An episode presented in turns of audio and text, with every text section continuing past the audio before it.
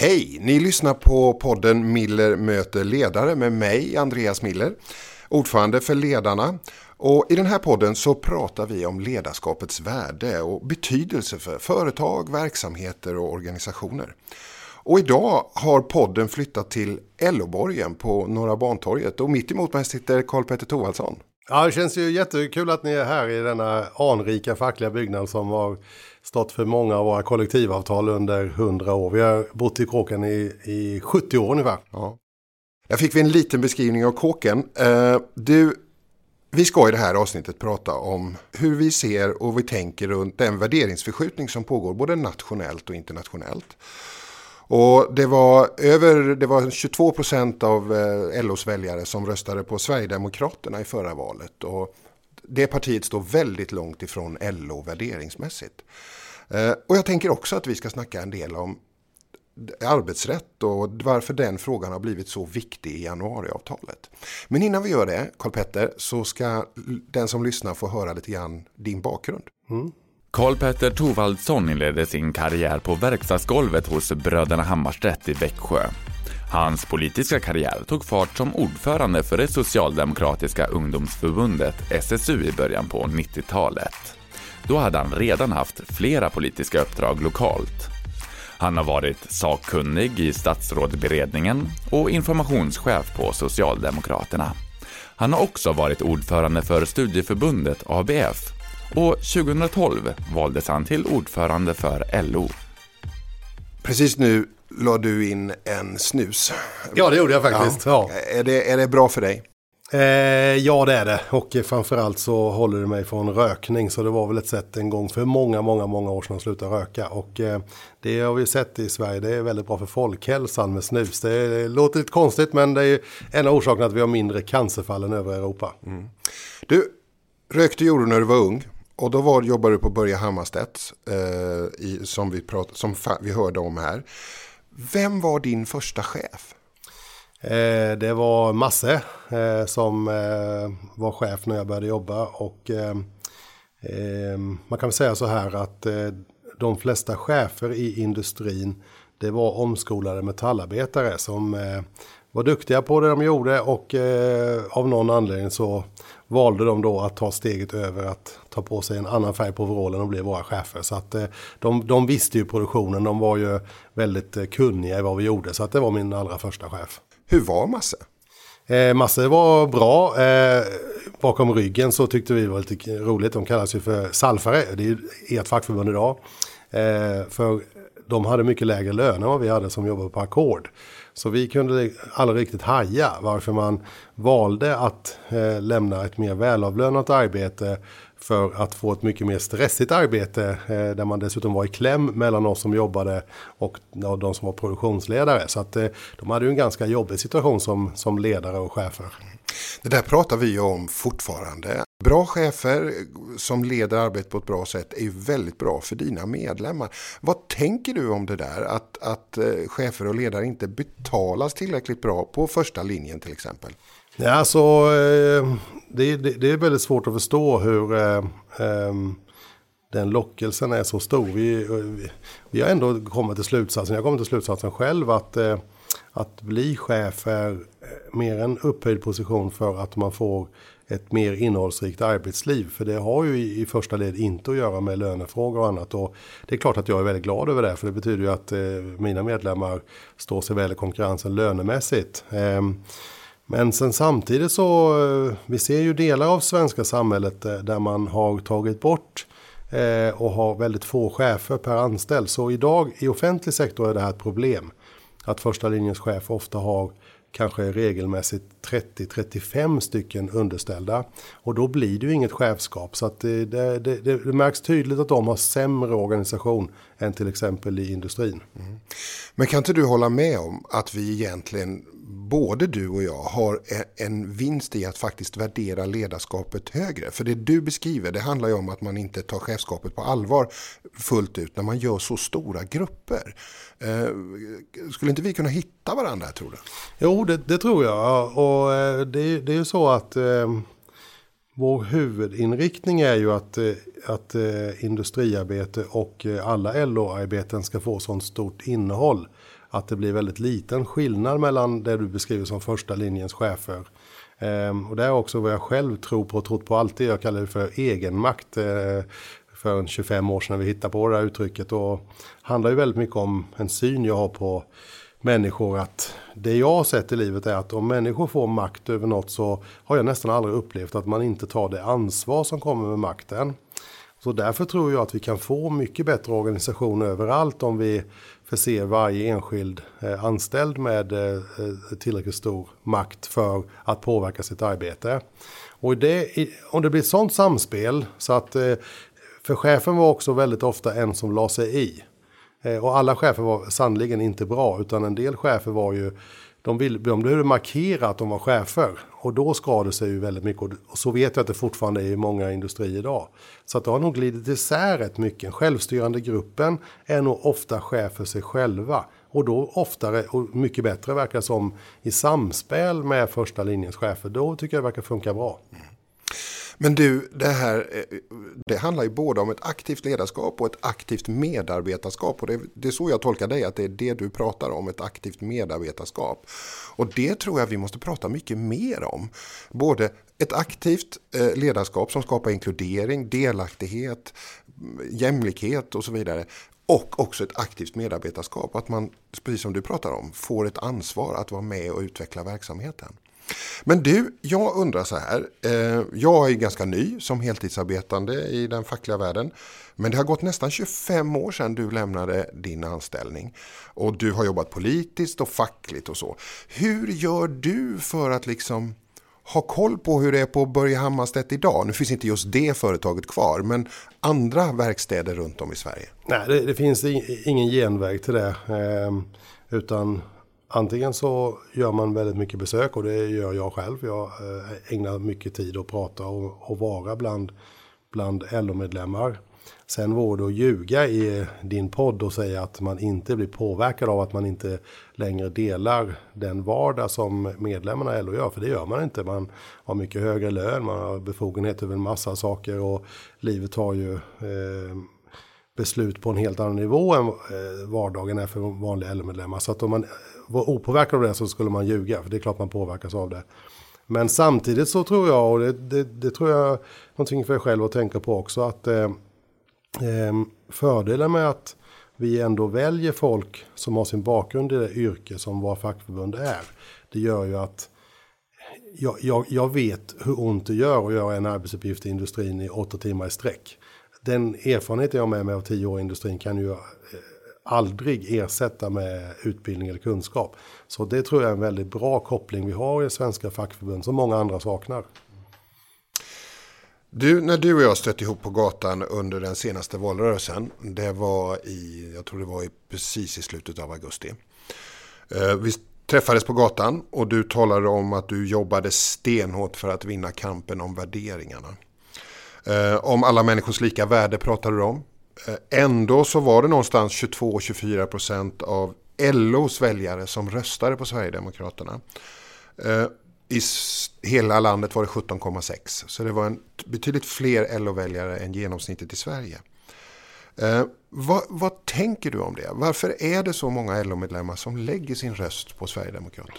Nej, det, det, det här är en, en global trend. Eh, när de främlingsfientliga partierna kommer in på den politiska scenen, då är det ju alltid efter en ganska lång period där demokratin har underpresterat. Där, eh, som vi hade en stor 90-talskris eh, när de här krafterna började växa i Sverige. Vi fick, först var det Ny Demokrati som sen havererade internt. Eh, men under egentligen resten av 90-talet så växte ju det här åsikten. Och det, den första vågen, och det här gäller också globalt, det är en, en våg från motsvarande Moderaterna. Så den mest högra delen av politiken det är de som blir kärnan av de här nya partierna. Och det kan du se på Sverigedemokraterna idag. Hela kärnan är ju tidigare muffare eller de kommer ju från den bakgrunden. Eh, men det som är problematiskt för mig är ju att andra vågen stämmer också globalt. Eh, det är arbetarväljare som eh, av olika skäl, de tycker att livet inte har utvecklats som de ville själva. De tycker att invandring tränger undan deras behov av en bra välfärd och deras småsa, småstäders utveckling. Och det har ju varit i tusen år en, eller tusentals år en, en mänsklig drift att eh, försöka skylla tillkortakommande på en som har svagare ställning. Mm. Så det är nog det som rent faktiskt händer.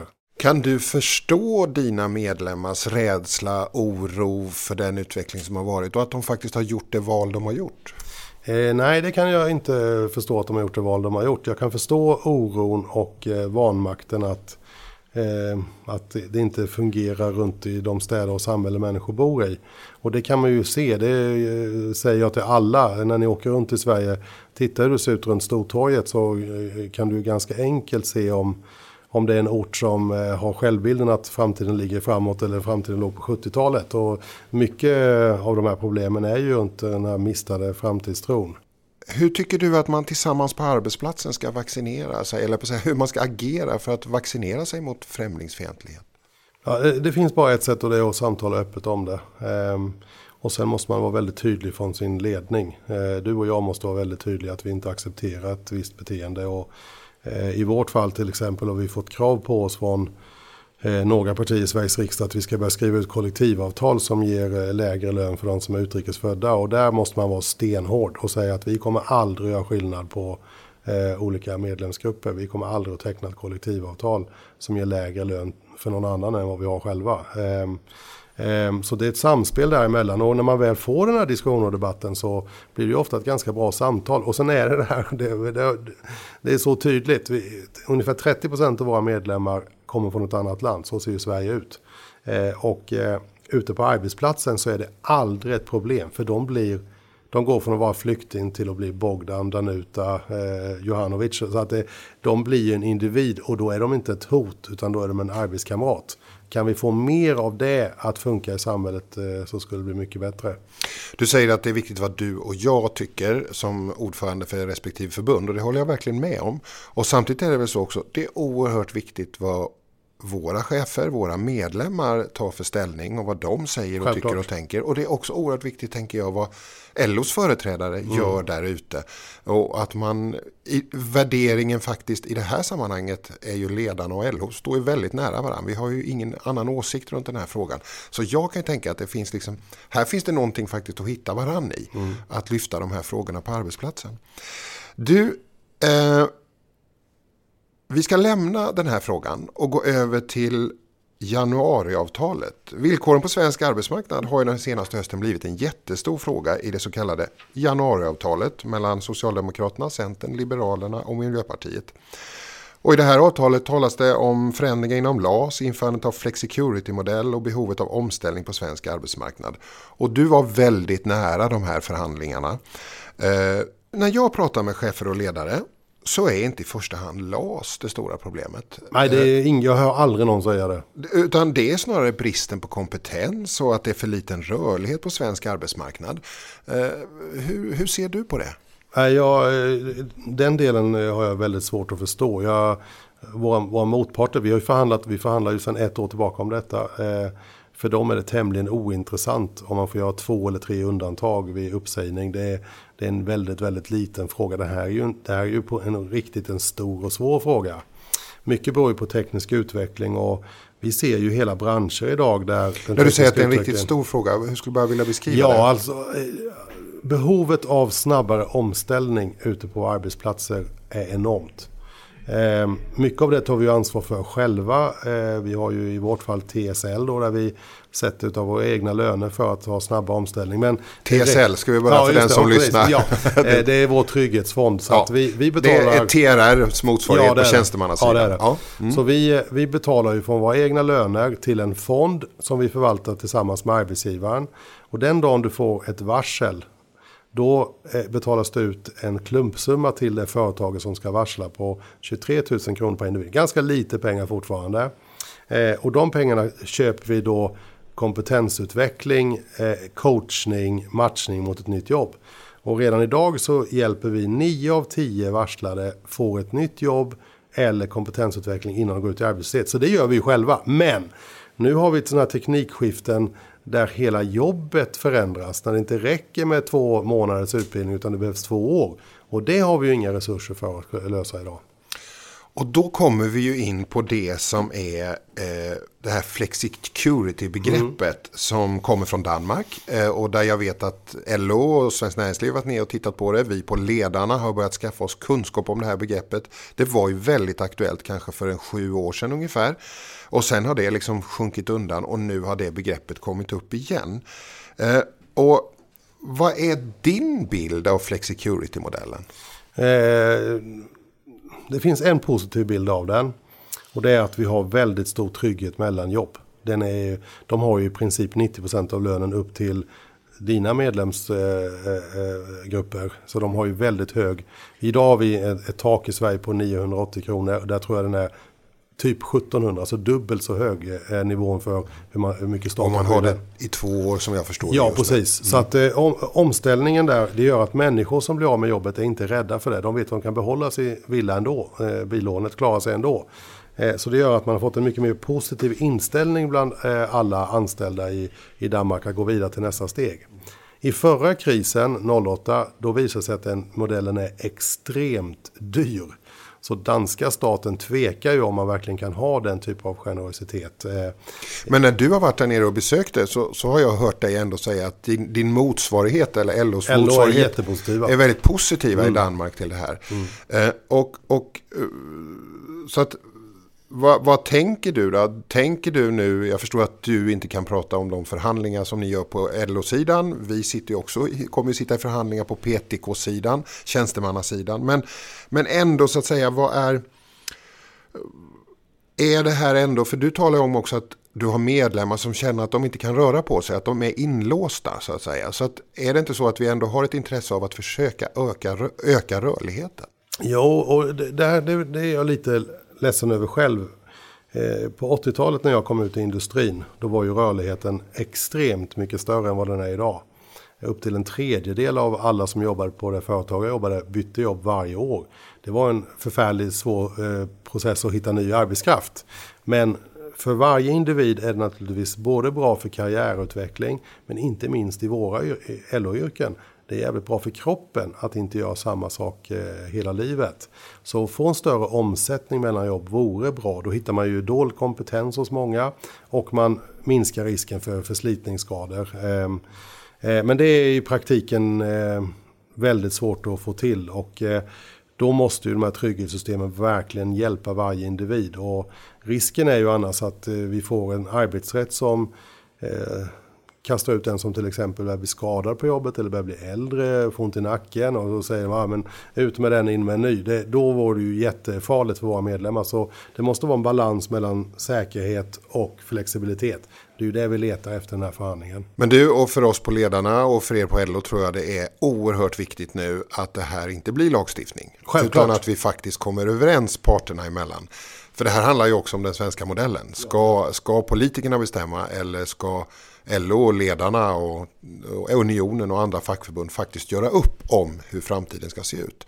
Hur, hur viktigt är det för dig? Svenska modellen är ju unik i världen. Vi är ju ett av världens mest konkurrenskraftiga länder. Trots att vi har världens högsta lägstlöner. Det är, alla skulle säga att det, här inte, det kan inte funka, men det gör ju det. Eh, och det är likadant i de nordiska länderna. Ehm, det är humlan som flyger?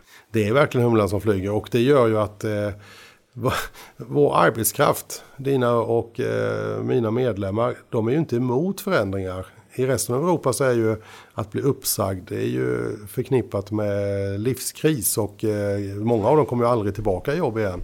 Medan i Sverige så, som sagt, 9 av 10 får ett nytt jobb innan de ens går ut i arbetslöshet. Det är ju två helt olika världar.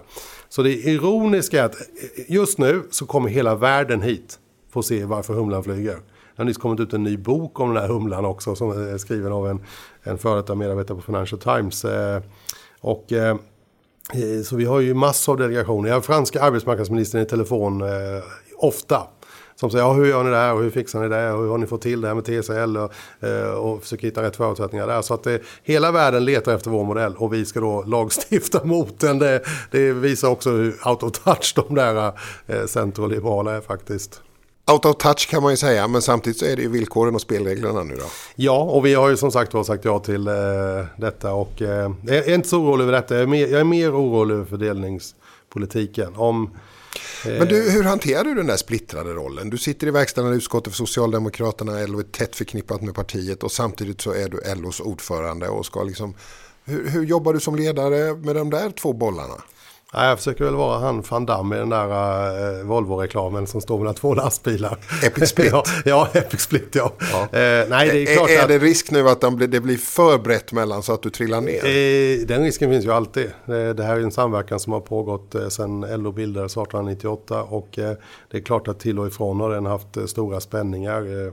Pratat om rosornas krig och Eh, jag har ju också senaste veckorna varit väldigt fördömande mot eh, fördelningssynen i den här överenskommelsen. Det står visserligen att klyftorna inte ska öka under hela eh, mandatperioden. Men om man börjar med 20 miljarder i baknacken så är det jävligt svårt att rätta till det. Så att nej, det, det, det är ju naturligtvis stor oro och eh, samtidigt så om jag måste välja så är jag ju alltid LO-ordförande. Eh, så jag räds ju inte konflikt med Socialdemokraterna om, om det behövs. Och ibland har vi olika syn på ekonomisk politik. Jag inte kommer ihåg häromåret när vi drev att eh, staten måste investera 2% av BNP, 70 miljarder. Då blir det ju ett, eh, på ren svenska, jävla liv. Men det är klart att när man så småningom gör så, så har det ju också visat sig att våra ekonomer hade rätt. I slutet av här, den här podden eh, så låter vi alltid gästen ge råd till chefer och ledare. Eh, och nu är frågan till dig Karl-Petter.